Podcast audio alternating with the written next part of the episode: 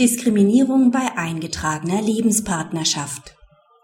Der Gleichheitsgrundsatz gebietet es, eingetragenen Lebenspartnern kinderbezogene Entgeltbestandteile zu gewähren, wenn diese vergleichbar einem verheirateten Ehepaar Kinder in den gemeinsamen Haushalt aufgenommen haben.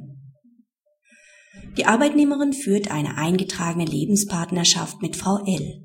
In dem gemeinsamen Haushalt der beiden Lebenspartner leben auch die beiden leiblichen minderjährigen Kinder von Frau L, für die diese Kindergeld bezieht. Die Arbeitnehmerin trägt zum Unterhalt der Kinder bei. Sämtliche Lebenshaltungskosten werden von den beiden Lebenspartnern gemeinsam bestritten. Die Arbeitnehmerin verlangt von ihrem öffentlichen Arbeitgeber daher einen kinderbezogenen Ortszuschlag nach 29 Abschnitt B Absatz 3 BATU. Nach dieser Bestimmung ist der Zuschlag davon abhängig, dass der Anspruchsteller Kindergeld bezieht. Nach Ansicht des BAG steht der Arbeitnehmerin ein entsprechender Ortszuschlag zu. Sie hat zwar nach den maßgeblichen einkommensteuerrechtlichen Vorschriften über das Kindergeld selbst keinen Anspruch auf Kindergeld.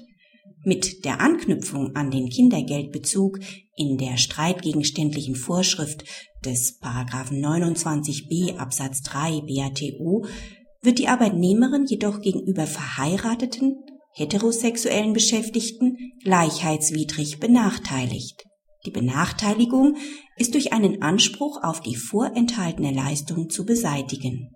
Paragraph 29 Abschnitt B Absatz 3 BATO knüpft an die sexuelle Orientierung homosexueller Menschen mittelbar nachteilige vergütungsrechtliche Folgen, indem diese Bestimmung eingetragene Lebenspartner von Leistungen, die mit dem Bestand der Ehe verbunden sind, ausnimmt. Eine Rechtfertigung dieser Ungleichbehandlung von homosexuellen und heterosexuellen Menschen liegt nicht vor. Der kinderbezogene Entgeltbestandteil im Ortszuschlag wird insbesondere im Hinblick auf die aus der Erziehung und Betreuung von Kindern folgende finanzielle Belastung gewährt, da mit der Aufnahme jedenfalls ein faktisches familiäres Betreuungs- und Erziehungsverhältnis besteht. Ausgehend von diesem Zweck gibt es keine sachlichen Gründe, die es rechtfertigen würden, den kinderbezogenen Entgeltbestandteil lediglich verheirateten Paaren, nicht aber eingetragenen Lebenspartnern zu gewähren. Nach der Lebenswirklichkeit sind Betreuungs- und Erziehungsverhältnisse innerhalb eingetragener Lebenspartnerschaften sowohl faktisch als auch rechtlich den Pflichten angenähert, die in einer Ehe gegenüber den Kindern des anderen Ehegatten bestehen.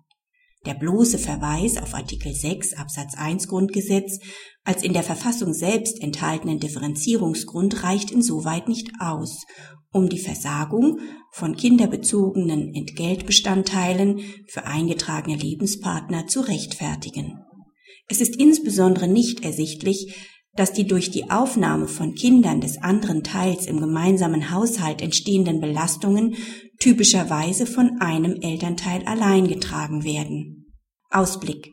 Die Entscheidung ist zu den heute nicht mehr unmittelbar gültigen Vorschriften des früheren Bundesangestellten-Tarifvertrags ergangen. Sie macht deutlich, dass die eingetragene Lebenspartnerschaft trotz des besonderen verfassungsrechtlichen Schutzes von Ehe und Familie rechtlich weiter auf dem Vormarsch ist. Zur Begründung beruft sich das BAG, offenbar der Einfachheit halber, auf das verfassungsrechtliche Gleichheitsgebot des Artikel 3 Grundgesetz. Damit blieb dem Gericht eine Auseinandersetzung mit den europarechtlichen Diskriminierungsvorschriften erspart.